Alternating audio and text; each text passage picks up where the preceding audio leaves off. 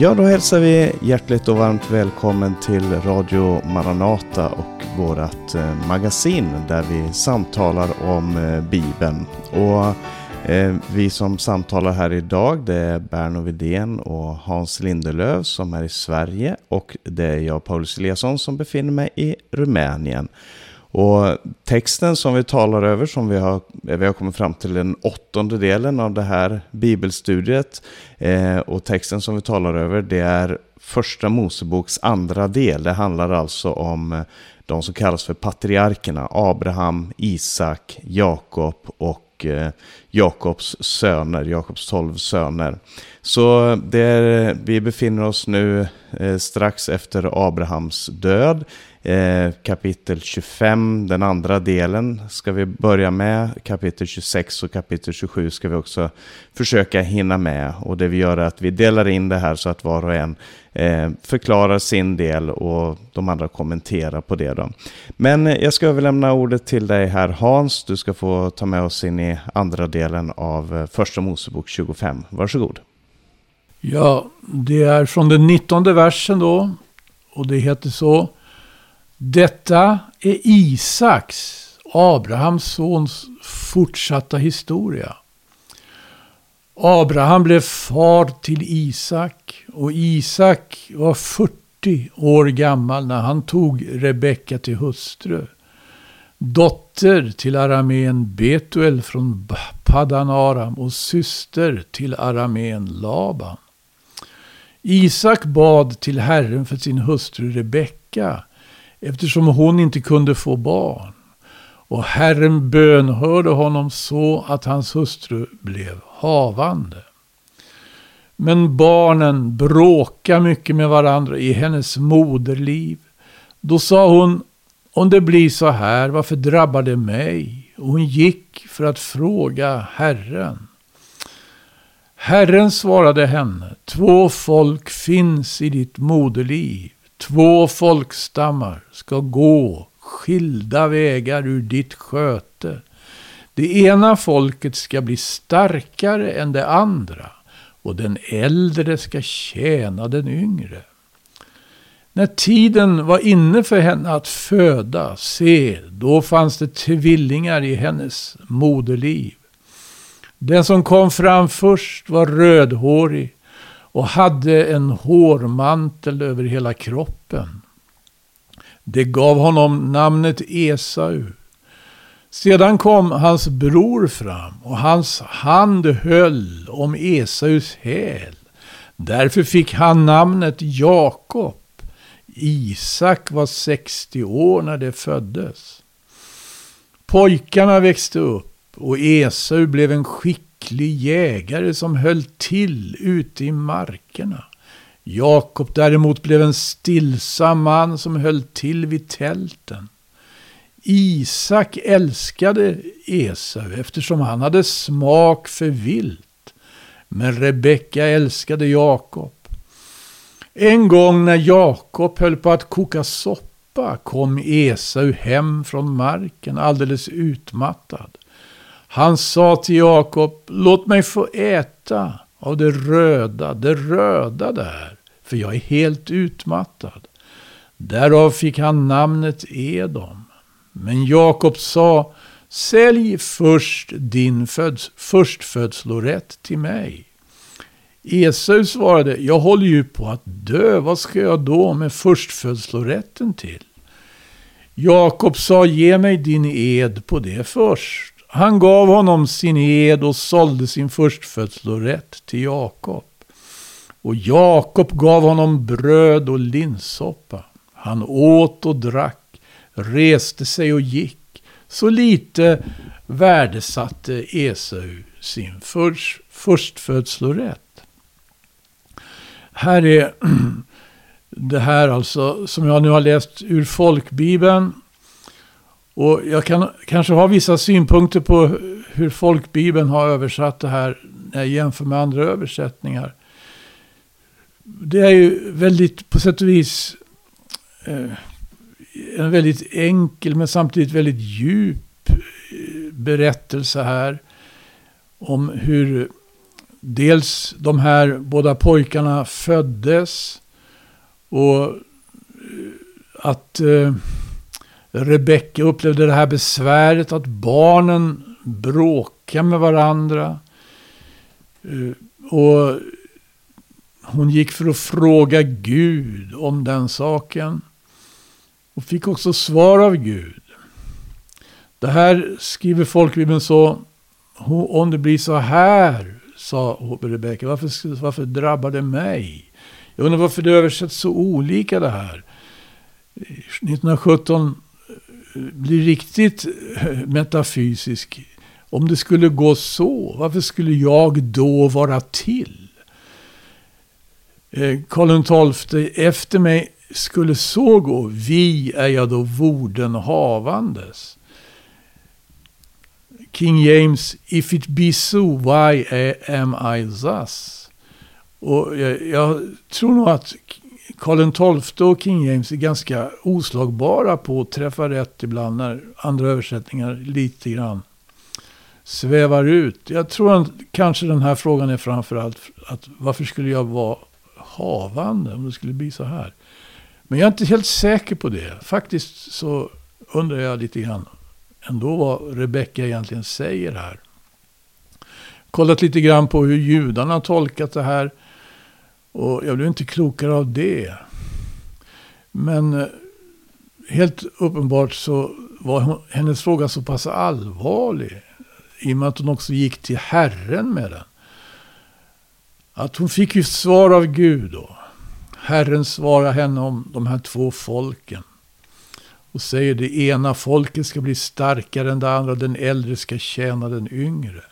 Det kommer ju visa sig vara ett märkligt förhållande mellan Esau och Jakob.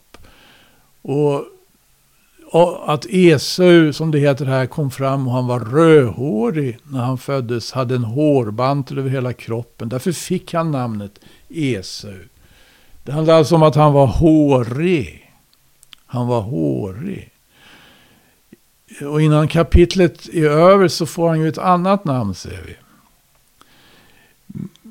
Och de här båda namnen tycker jag också är intressant att lägga märke till. Men Jakob kom fram, också han, ur moderlivet. Hans hand står och höll om Jesus häl. Och därför fick han namnet Jakob. Vilket, ska kunna, vilket alltså kan översättas den som håller i hälen. Men också den som bedrar. Och jag undrar lite grann vad tanken var att han fick namnet Jakob funderade de verkligen på att han skulle bli en stor bedragare? Kanske bara sa, det var en liten luring det här. Eller så faktiskt sa de bara det som det faktiskt var. Att han höll ju sin bror i hälen. Men så kommer det här, pojkarna växte upp. Och förhållandet mellan dem utvecklas. Det står att, och själva utvecklas de då. Esau blev en skicklig jägare som höll till ute i markerna. Jakob däremot blev en stillsam man. 1917 översätter det här ordet stillsam till from. King James till plain. Och det här har jag också jobbat med, vet jag, när jag tidigare har varit vid den här texten. Plain man, en alldaglig man. Eh, jag, jag, tror att det finns en viss betoning här på Esaus skicklighet. Och där, men däremot på Jakobs, inte stillhet, men o, han, han, var en okonstlad man. Enkel, okonstlad. Och lite grann här alltså att Esau var en, som man kanske uttrycket säger, en self-made man. Han Eh, medan Jakob var lite mer av kanske att ta sig, ta livet ur, ur, som det kom, ur Guds hand. Men e, Isak älskade Esau eftersom han hade smak för vilt. Men Rebecka älskade Jakob. Där kommer det visa sig också sina så att säga sidor. En gång när Jakob höll på att koka soppa kom Esau hem från marken alldeles utmattad. Han sa till Jakob, låt mig få äta av det röda, det röda där, för jag är helt utmattad. Därav fick han namnet Edom, alltså den röde. Esau fick han heta därför han var hårig. Edom fick han heta, men här är jag faktiskt också väldigt fundersam. Det är ju rent gåtfullt. Man gav honom namnet e- Edom. Men hur i alltså då gick det till? När han föddes kan man ju tänka sig att det var några närvarande vid hans födelse. Och som gav honom namnet Esau. Inte bara föräldrarna utan också någon barnmorska. Men när, när han är här tillsammans med Jakob är ju ingen annan närvarande än Jakob. Och så heter det att man gav honom namnet Edom. Här finns någonting väldigt symboliskt. Det är, det är just att han, han eh, liksom får den här röda färgen. Han hade den röda färgen redan, fastän han var, han var ju rödhårig. Men han kommer själv och uttalar det här på något vis. Han vill ha det röda, då kommer det här röda att bryta igenom. Det är något oerhört med det här med Edom. För Edom är egentligen en variation på namnet Adam, den första människan. Och när jag sysslar med den här texten så är jag lite fundersam på, jag, ska inte gå för långt med det nu, men det är just att, eh, om jag säger som så då, han låter liksom eh, syndanaturen som han fått i arv från Adam bryta igenom på ett annat sätt än vad Jakob gör. Han eh, visar, en så, visar ett sånt förakt, eller han vis, ringaktar sin förstfödslorätt. Jakob är ju däremot inte alls särskilt, vad heter det, plain eller enkel i det här läget. Därför bara det att han kommer fram till att han kräver alltså först ska han sälja sin förstfödslorätt. Sälj din förstfödslorätt. Jesus sa, jag håller ju på att dö, vad ska jag då med förstfödslorätten till? Jakob sa, ge mig då din ed på detta. Och han gav honom sin ed och sålde sin förstfödslorätt. Jakob gav honom bröd och linssoppa. Han åt och drack, reste sig och gick. Så lite värdesatte Esau sin förstfödslorätt. Vilket kommer alltså att sedan bli ett oerhört motiv i skriften. Esau, Edom. Och det finns några gåtfulla ställen. Vi har ju Esau som individ. Eller Edom. Vi har Jakob som individ. Vi vet att Individen Jakob får ju ett annat namn när han brottas med Gud och människor och vinner seger. Han får namnet Israel så småningom i samma bok här i första Mosebok. Men Edom i samma bok, han som säljer sin förstfödslorätt på detta sätt som individ. Han blir ju väldigt hotfull här så småningom. Han blir ju väldigt hotfull eh, mot Jakob som vi kommer att få höra eh, kanske Berno har något att säga om. Men när Jakob har varit borta så länge som han kommer att bli då, i 20 år i Österlandet och återvänder. Då är det Edom eller Esau som uppträder som en Guds ängel. När jag ser dig, säger Jakob, så, så är det som att jag får se Guds ängel. Jakob blir Israel. Esau blir en Guds ängel. I det läget vad, va märkligt. Sen kommer Esau som folk då, som nation, att få ha en, spela en väldigt förrädisk roll i förhållande till Israels nation då. Och vi kan läsa till exempelvis i Obadjas bok och i Jeremia hur mer eller mindre kommer Esau vara en agent på något vis för att liksom få Israels folk eh, att eh, och sälja så att säga Israels folk åt Babylonien när den tiden kommer.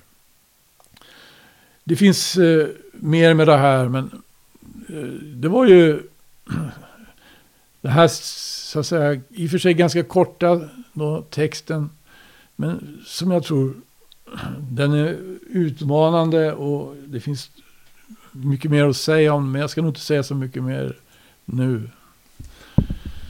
Mm. Ja, tack, tack ska du ha Hans. Det här är en väldigt, eh, eh, det här är en väldigt betydelsefull text för, tror jag, för förståelsen av, av den fortsatta historien i, i Bibeln och den fortsatta berättelsen om, om eh, Jakobs liv, vad han var för slags person och så här.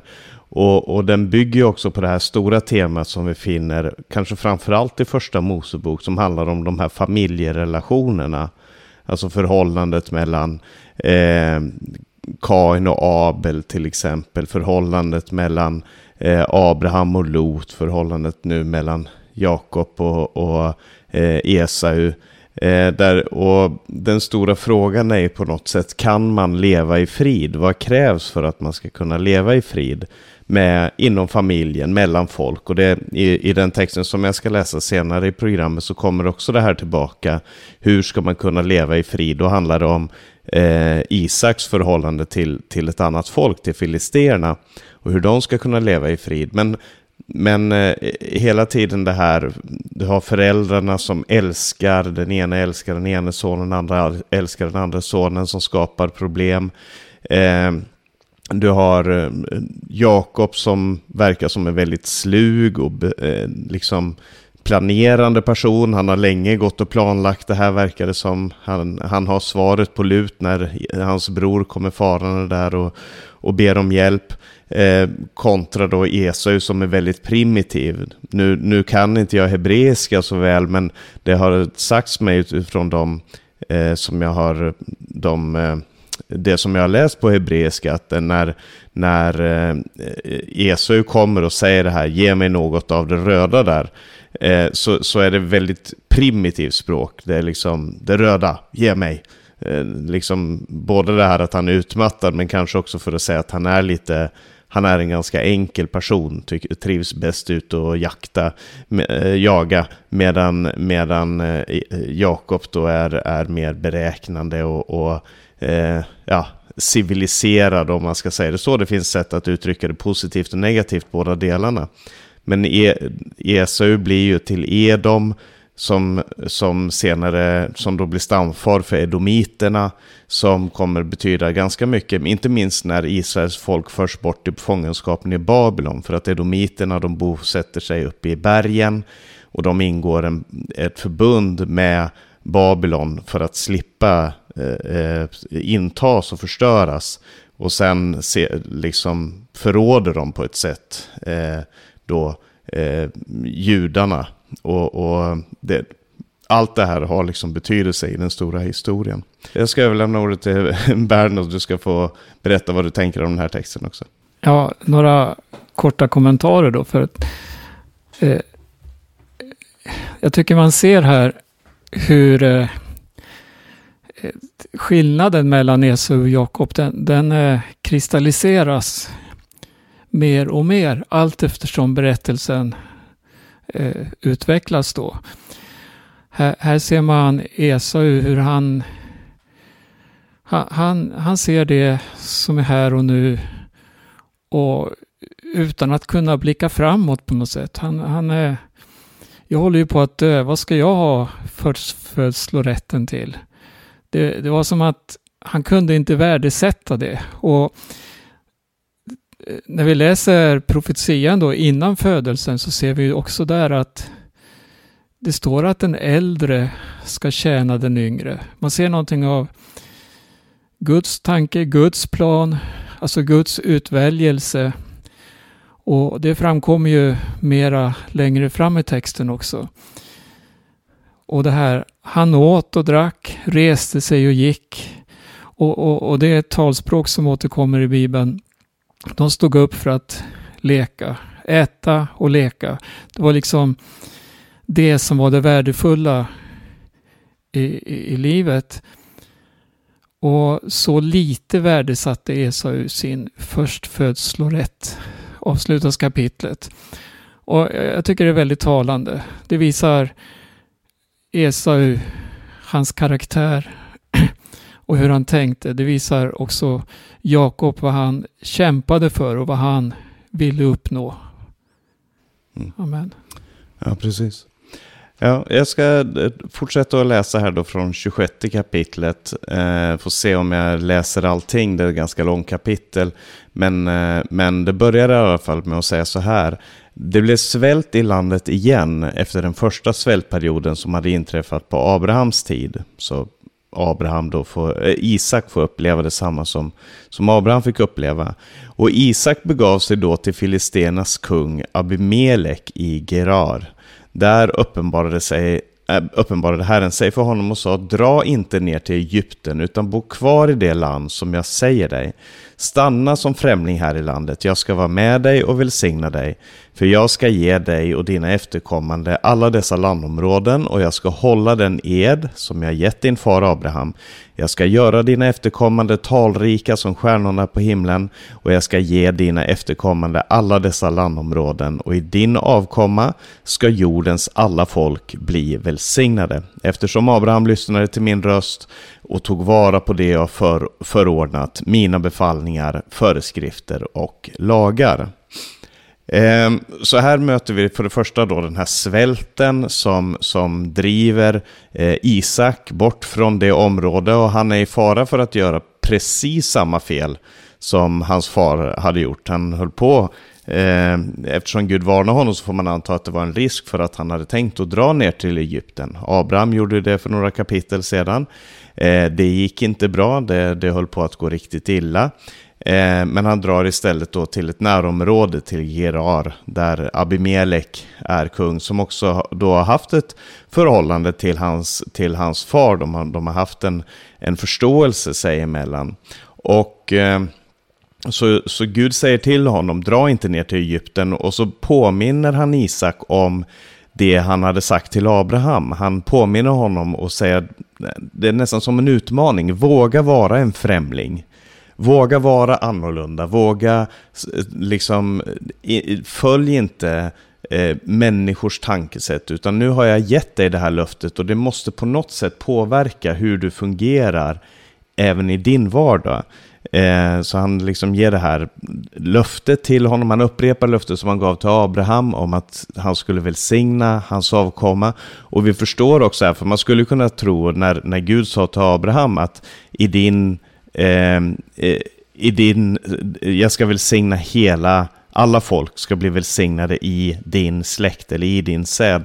Men nu säger han samma sak till Isak och då förstår man att det är inte Isak som är uppfyllelsen av det här löftet utan uppfyllelsen kommer att komma.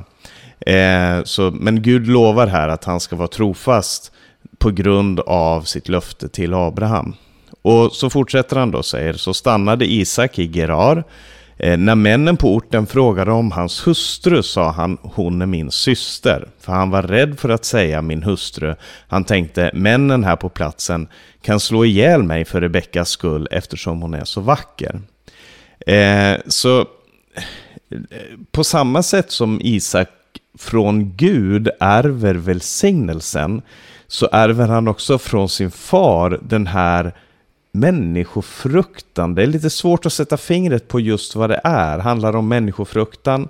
Eh, handlar det om eh, tanken att människor är värre än vad de är? Handlar det om eh, självbevarelsedrift på något sätt? Alltså det säger också någonting om främlingens utsatta situation. Abraham ljög då han var i en väldigt utsatt situation för att han fruktade för sitt liv. Eh, Isak ljög i en utsatt situation för att han fruktade för sitt liv. Eh, I Abrahams fall så var det ju närmare, Eh, en närmare relation där man skulle kunna säga tekniskt sett så ljög han inte, det var hans halvsyster, det var, men, men eh, här är det helt klart att eh, man måste dra det ganska långt för att kunna säga att Isak inte ljög. Och det handlar väl som sagt lite om det här när man, när man hamnar i en prekär situation i livet så, så är det väldigt lätt att man, att man går dit där det liksom, ja, det, det, det, det blir lite lättare att säga på det här sättet. Jag, jag sätter inte mig själv i någon stor fara. Trots att han precis har fått löftet ifrån Gud, jag ska vara med dig. I din avkomma ska alla släkten på jorden bli välsignade. Eh, de Guds löfte var där, men han vågade inte lita på det här. Och, och, Isak utgår på något sätt ifrån att ja, de här är filisteer, de är annorlunda än oss, de är onda människor. Men det visar sig att faktiskt de här människorna är nästan mer, är mer ädla, inte bara nästan, men är i den här situationen mer ädla än det Isak själv är. För det står att när han hade varit där en tid så, så fick Abimelek se, det här står det att han kelade med sin hustru Rebecka. Det finns lite olika översättningar av det där, men han, han såg att Isak var tillsammans med sin, sin hustru då. Och, och, så står det, då kallar han till sig Isak och sa, hon är ju din hustru, hur kunde du säga att hon är din syster? Isak svarade honom, jag tänkte att eh, jag annars kunde bli dödad för hennes skull. Då sa Abimelek, vad har du gjort mot oss? Hur lätt kunde inte någon i vårt folk ha legat med din hustru och då hade du dragit skuld över oss? Alltså du hade dragit skuld över oss på grund av din lögn. Vi hade blivit skyldiga, men det var du som har dragit den här skulden över oss. Och så står det, sedan befallde Abimelek hela folket, den som rör den här mannen eller hans hustru ska straffas med döden. Alltså han trodde att, Isak trodde att han skulle kunna bli dödad om eh, han sa sanningen. Men istället så var det lögnen som satte honom i en fara och, san och sanningen var den att kungen varnade och sa att den, han hade ett rättssystem helt enkelt. Och han, han var en, verkar som en ganska rättfärdig man. Och Abimelek visar sig från en sida som påminner lite om Jesu berättelse om den barmhärtige samaritanen, där han sätter en, en levit och en präst i, i ett dåligt ljus i den, i den eh, liknelsen, medan en, en samaritan, en samarier, får vara liksom hjälten. Eh, den som man absolut inte förväntar. Alltså för en jude som läste det här så måste, det ha, måste man ha hoppat till och tänkt, en filisté som, eh, som visar sig från en bättre sida än vår, än vår förfader, vår patriark, vår Jakob, han som vi har namn ifrån. Det, Bibeln är inte bara en, en eh, försvarsskrift och en hjältehistoria för människor, utan det är verkligen berättelsen om hur Gud måste kämpa med, med sitt folk. Eh, och sen så stannar Isak då hos de här hos det här folket, hos Abimelek. Han växer till där, han går från svält som drev honom dit till en väldig rikedom. Och i den situationen så blir de här filisterna avundsjuka. De, de eh, blir fientligt, mer och mer fientligt inställda till honom. Ända tills Abimelek till slut måste säga till, till Isak, flytta bort ifrån oss för du har blivit alldeles för mäktig för oss. Så de var inte bekymrade för den här flyktingen, men de var bekymrade för en man som, som fick makt i, i, ibland dem. Och det här är ju naturligtvis en, en, ett politiskt bekymmer, ett ekonomiskt bekymmer och, och sådär som, som eh, gjorde att Isak var tvungen att flytta därifrån. Så står det att han flyttade, han drog sig ner i Gerars dalgång och bodde där. Och så började han bygga vattenbrunnar. Och det här har jag sagt tidigare, det här tror jag är ett Eden-tema. För att i Eden så fanns det en vattenkälla som sprang fram, som, som gick ut i fyra olika Eh, riktningar ifrån Eden. Eh, och, och, när man ser att människor planterar träd, bygger, eh, gräver brunnar och så vidare, så, så, så är det här eh, Eden-tematik. Han försöker skapa en värld som är lev, där man kan leva, där man kan fungera, där man kan ha harmoni. Så han gräver upp de här brunnarna som hans far hade, som på hans, hans fars tid då hade fyllts igen av filisterna efter Abrahams död.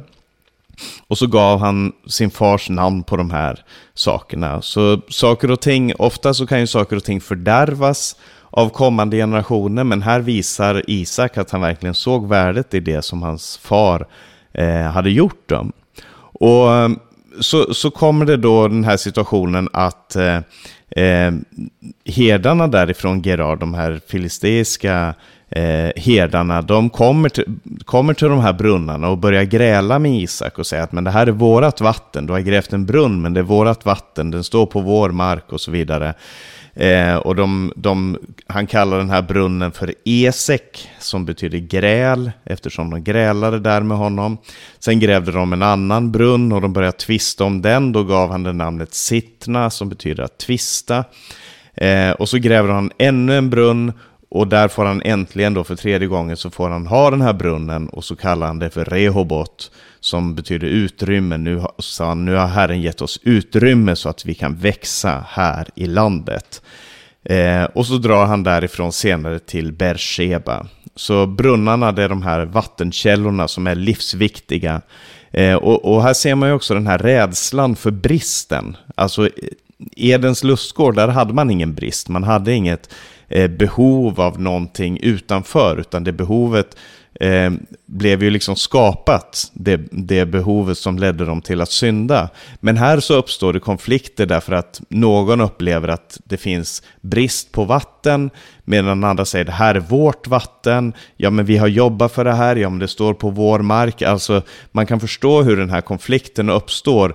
Eh, dels på grund av missundsamhet, men missundsamheten grundar sig ju i att man är rädd för sitt eget liv och för sin egen framgång och så vidare.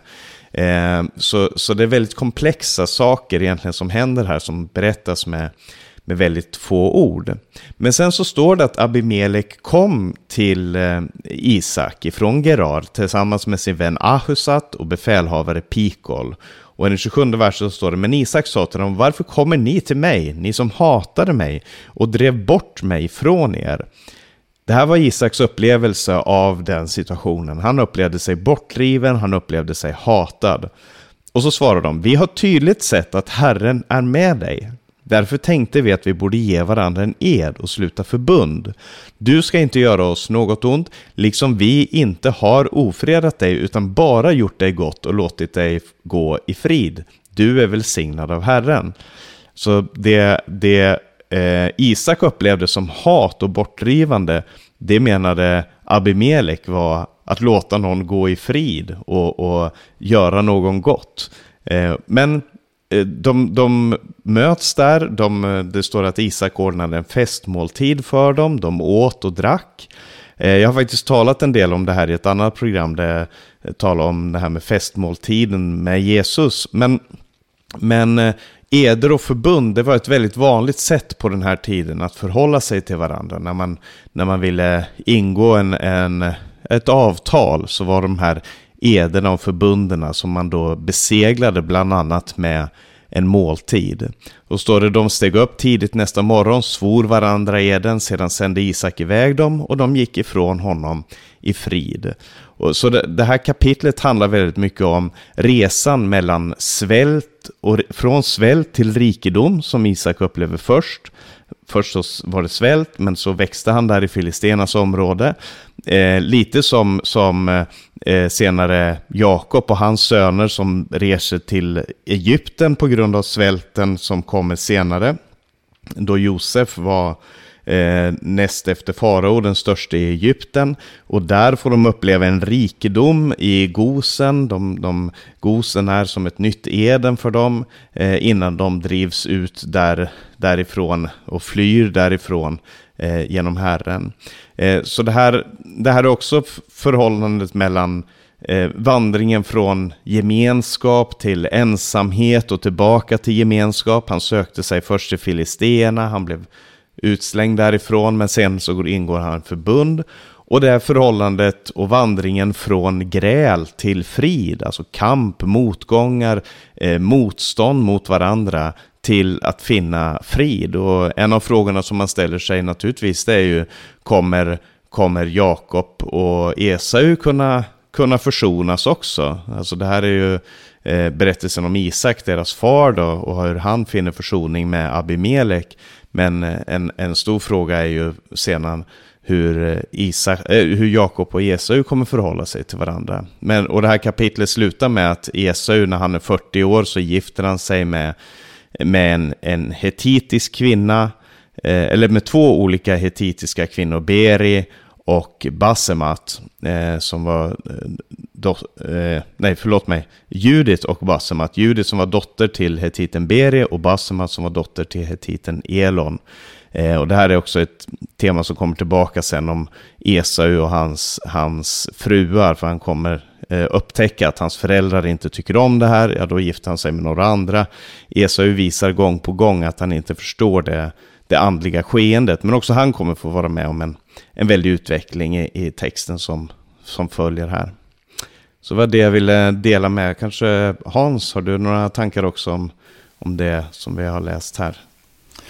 Eh, när du läser det här så tycker jag jag hör en rapport från Rumänien lite grann i det här namnet Gerar. Finns det inte en, ett samhälle eller en stad ni brukar besöka som heter det? Gerar? Nej, det, Eller har jag, jag blandat ihop det med något annat?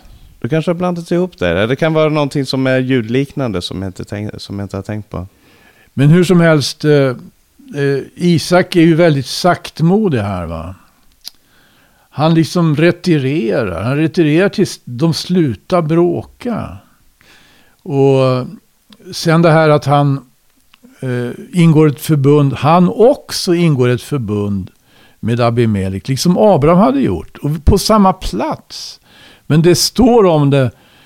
Till exempel den här brunnen. Det var som att eh, när Abraham ingick förbundet med Abimelek. Så fick brunnen namnet Bersheba då. Sjubrunnen. Av en anledning där de här sju lammen ställdes åt sidan. Men här står det om en annan orsak. Det står ingenting om att det, det, det som att det inte finns någon koppling. Det, det tycker jag är väldigt märkligt. Samma brunn, samma eh, så att säga. Eh, jag, jag vet inte hur, hur man ska författa den saken. Men det står att här får alltså brunnen namnet Berseba av en annan orsak. Isak kallade den Siba. Ja. Mm. Ja. Ja, precis. Ja, tack ska du ha. Eh, Berno, då mm. överlämnar jag ordet till dig och ger dina kommentarer och ta oss vidare i texten. Ja. Eh, Isak grävde efter vatten och det är ju sunt. Det att ständigt söka brunnar med friskt levande vatten. Det är en bild som vi ofta använder. Eh, nu ska jag gå in i 27 kapitlet. Det är också ett långt kapitel. Det, vi får ta lite brottstycken här för att få med det viktigaste. Det står från början så här, när Isak hade blivit gammal och hans ögon var så svaga att han inte kunde se kallade han till sig sin äldste son Esau. Och gammal här, det, det står att han var runt 135 år gammal. Det var ju en ålder. Och han sa då till Esau så här, min son, han svarade honom, jag är här. Då sade han, jag är gammal och vet inte när jag ska dö. Ta därför dina jaktredskap, ditt koger och din båge och gå ut i markerna och skjut något vilt åt mig. Laga sedan åt mig något gott som jag tycker om och bär in det till mig så att jag får äta och sedan välsigna dig innan jag dör. Ja, de här löftena som vi eh, ser komma fram här som nämns. Löftena om Messias kan vi säga och det land som tillhörde kanan. Det hade gått över nu från Abraham till Isak. Och han var som sagt väldigt gammal. Hans söner runt 75 år vid den här tiden. Och eh, vad ska man säga så här att eh, eh, jag tänker på Isak och Jakob. Att Isak han har inte rätt övervägt egentligen det här gudomliga ordet angående sina två söner. Det här som framkom att den äldre ska tjäna den yngre. Och han beslutade att ge all ära, all makt och det som fanns i löftet till sin äldste son Esau. Och vad man kan se här, är, vi, vi, vi, har ofta en tendens, vi också just att fatta beslut och baserade kanske på vår egen logik snarare än på gudomlig uppenbarelse. Och därför går man lätt vilse, handlar fel, vilket jag tror att Isak gjorde här. Han lät sig styras av eh, sin egen lösning. Esau var ju den förstfödde egentligen. Men det fanns en gudomlig ordning här som kommer fram gång på gång. Och Esau, han var ju också något av en eh, favorit till eh, Isak. Vi läste tidigare här om hur han hade smak för vilt. Han eh, var en eh, kreativ människa som var ute och jagade och behagade sin far Isak på det viset. Då. Men Gud hade som sagt visat redan innan födelsen vem som var arvtagaren. Alltså, eh, man kan ta en parallell. Jag tänker på det här med kungakröning. Det senaste vi var med om det var ju en väldigt mäktig tillställning i England där kung Charles kröntes. Och, det, och tänk om då någon yngre eller någon annan hade på något sätt lurat till sig den här kröningen. Vilken skandal det hade varit. Men här läser vi om något som faktiskt har ännu större dignitet än, än vem som blir krönt till kung av England. Nämligen handlar det om Guds eget folks patriarker här. Om, om Guds folks framtid, om ja, faktiskt hela världens välsignelse eller fördömelse. Ehm, så viktig var den här välsignelsen som eh, Isak skulle uttala då över Esau. Eh, Paulus skriver så här till, till Romarbrevet, står i Romarbrevet 9 och 12 och det, det är ett citat härifrån. Den äldre ska tjäna den yngre. Alltså det var Guds beslut att välja vem han vill. Och det skulle ju stå fast och inte bero på gärningar utan det handlar om han som kallar och utväljer. I vers 5 står det så här då att Rebecka hörde vad Isak sade till sin son Esau. När Esau gick ut i markerna för att skjuta något vilt att ta hem sade Rebecka till sin son Jakob. Lyssna, jag hörde din far säga till din bror Esau Skaffa något vilt och laga åt mig något gott som jag kan äta. Sedan ska jag välsigna dig inför Herren innan jag dör. Hör nu på mig, min son, och gör som jag säger. Gå till jorden och hämta två fina killingar så ska jag laga något gott av dem åt din far, något som han tycker om. Den ska du bära in till din far så att han får äta den och sedan välsigna dig innan han dör. Ja, Rebecka, hon visste ju att välsignelsen egentligen var beredd för Jakob. Hon hade sett det och hoppades självklart då att han skulle få den. Men nu ser hon vad som är och färde. Samtidigt eh, tycker jag mig se här att hon handlade fel på det här sättet genom att lura Isak. Hon handlade fel gentemot Jakob genom att fresta honom och göra fel helt enkelt. Och hon skapade den här, den här konflikten mellan Esau och de här prövningarna på hans väg och gav honom en anledning då att hata Jakob också, förkasta tron. Alla var skyldiga på olika sätt. Och det, här var en av de här eh, felaktiga åtgärderna som ofta vidtas för att man vill gå före liksom och främja Guds löften. På, på något sätt som att målet skulle eh, rättfärdiga det man gör. Att förlåta de här felaktiga medlen som man använder.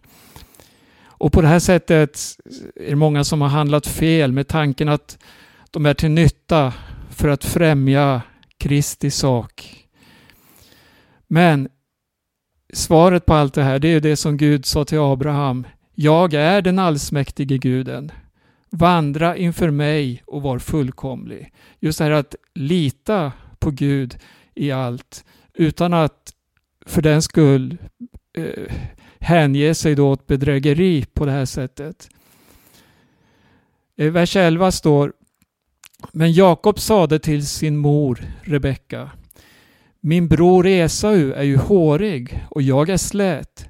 Tänk om far rör vid mig, då blir jag en bedragare i hans ögon och drar förbannelse över mig istället för välsignelse. Men hans mor sade till honom den förbannelsen får komma över mig min son. Hör bara vad jag säger och gå och hämta killingarna åt mig. Ja, det här var övermodigt eller kanske rent av en desperation från Rebeckas sida. Just att säga så här, må din förbannelse vila över mig. Det är starka, kraftiga ord hon tar till här. Kristus bar ju förbannelse från, bar förbannelsen från lagen för alla som kommer under eh, budets ok, alltså budet om evangeliet. Och Det känns järvt för en skapelse att säga så här, må din förbannelse vila på mig. Men det var det hon sa. Och det var så hon upplevde situationen, så avgörande. Vers 19. Jakob sade till sin far, jag är Esau, din förstfödde. Jag har gjort det som du sa till mig. Sätt dig upp och ät av mitt vilt så att du kan välsigna mig. Men Isak sade till sin son, hur kunde du finna det så snart min son? Han svarade, Herren Gud sände det i min väg. Är du verkligen min son Esau? Han svarade, ja. Ja, med viss svårighet ser vi här hur Jakob lyckades få igenom då den här välsignelsen. Och eh, men när man, jag, jag, tänker på den här välsignelsen som, eh, som eh, Isak sen uttalar över, över eh, Jakob. Det, står står så här, doften av min son är som doften av en mark som Herren har välsignat. Eh, och så står det om folkslag som ska falla ner för honom och så vidare. Eh, den är formulerad på ett sätt i mycket allmänna termer. Eh, om, man, om man jämför då med det förbund som gavs till Abraham, när Gud talade till Abraham, så, så, så, så fanns det ett helt annat eh, djup med, om nåden, om evigheten och så vidare. Och det, det här kan bero på, det, det är bara mina tankar så här, att Isak, han tänkte på Esau att det var Esau som stod för honom, även om det var Jakob som nu stod där.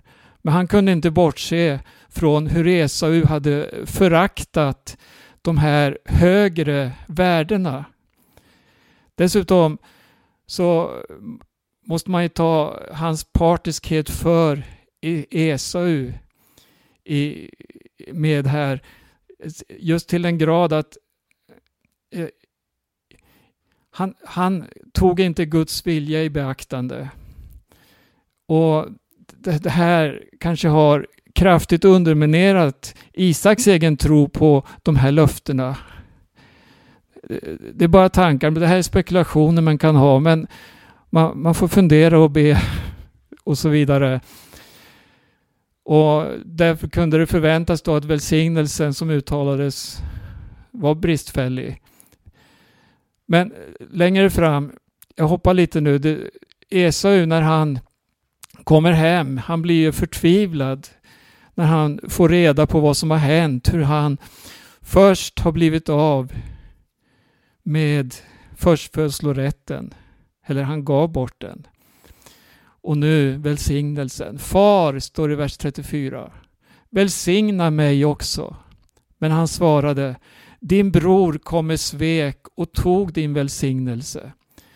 Då sade Esau, heter han inte Jakob?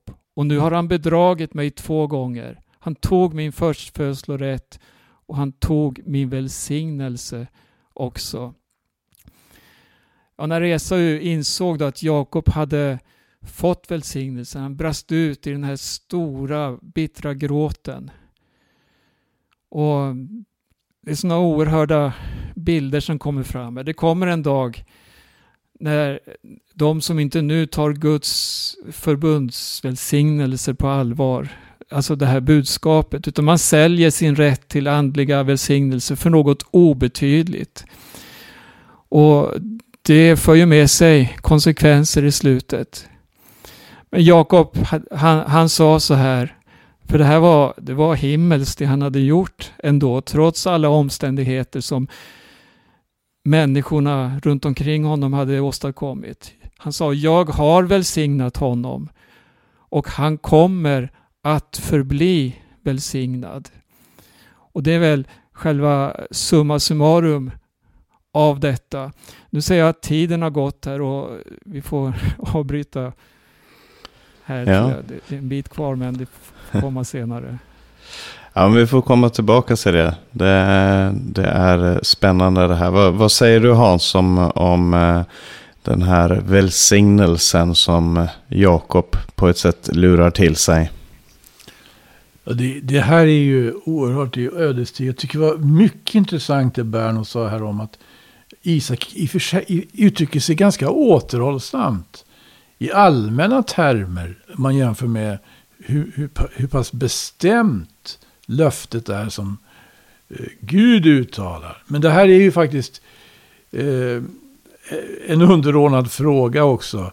Det är faktiskt det Gud uttalar som är det avgörande. Och det visar sig att i den här eh, verkligen då eh, på sitt sätt eh, eh, ja, den här traditionen som så att säga eh, de, de följer så kommer ju Guds avgörande besked så småningom. Det är faktiskt Jakob som är den som, eh, som är, som så att säga, som är mannen. Den som Gud har utvalt, den som kommer att föra det här, bära på Guds löften vidare i historien. Ja, jag tycker det var intressant. Ja, Ja det, är, ja, det är en spännande historia det här på så många olika sätt. Jag, jag tänker bara på en liten sak som jag ska nämna innan vi ska avsluta här. Och det är den här frågan som Esau ställer. Eh, finns det ingen välsignelse för mig? Har du ingen välsignelse till mig? Var, var det den enda välsignelse du har far? Välsigna mig också far, ropar han i sin desperation. Har du ingen välsignelse kvar för mig, står det några verser senare. Och det är ju intressant att, att uh, Isak ser det som att, ja, han tog din välsignelse. Nu, Jakob, han har tagit det som tillhör dig. Och nu finns det ingen välsignelse kvar. Alltså, Isak har ju fått veta, kapitlet innan så har han fått veta att i hans släkt ska all, i hans, eh, i hans säd ska alla släkter på hela jorden bli välsignade. Och ändå så har han den här inställningen att nej, det finns ingen mer. Det, det enda jag kan säga är de här orden om att du ska tjäna din bror, du ska vara underkastad honom eh, och, och eh, ditt, av ditt svärd ska du leva och din bror ska du tjäna. Men när du blir rastlös ska du slita hans ok från din nacke. Eh, den, jag är inte helt säker på att Isak har rätt där. Jag undrar om inte med, med, med Guds perspektiv att han hade kunnat säga absolut finns det en välsignelse för dig. Det, fin, det finns en stor välsignelse även för Esau och, och Gud har en plan, Gud har en vilja, Gud liksom det.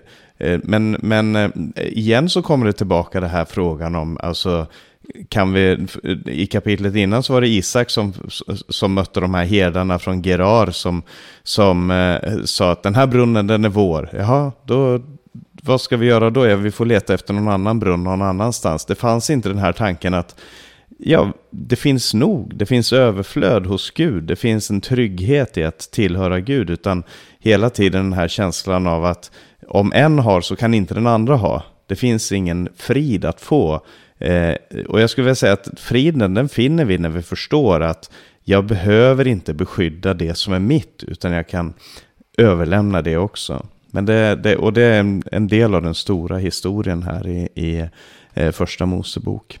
Men vi ska avsluta med det här. Som Berno sa, det finns mycket här som vi kan ta tag i och som vi säkert får anledning att komma tillbaka till. Och nästa gång vi har program om Hören dröjer och vi får leva så ska vi se lite på eh, Jakobs förhållande till, till sin blivande svärfar Laban och vad det betydde.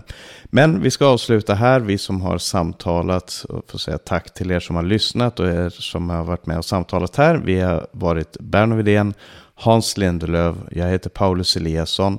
Eh, vi önskar er Guds rika välsignelse och på återhörande.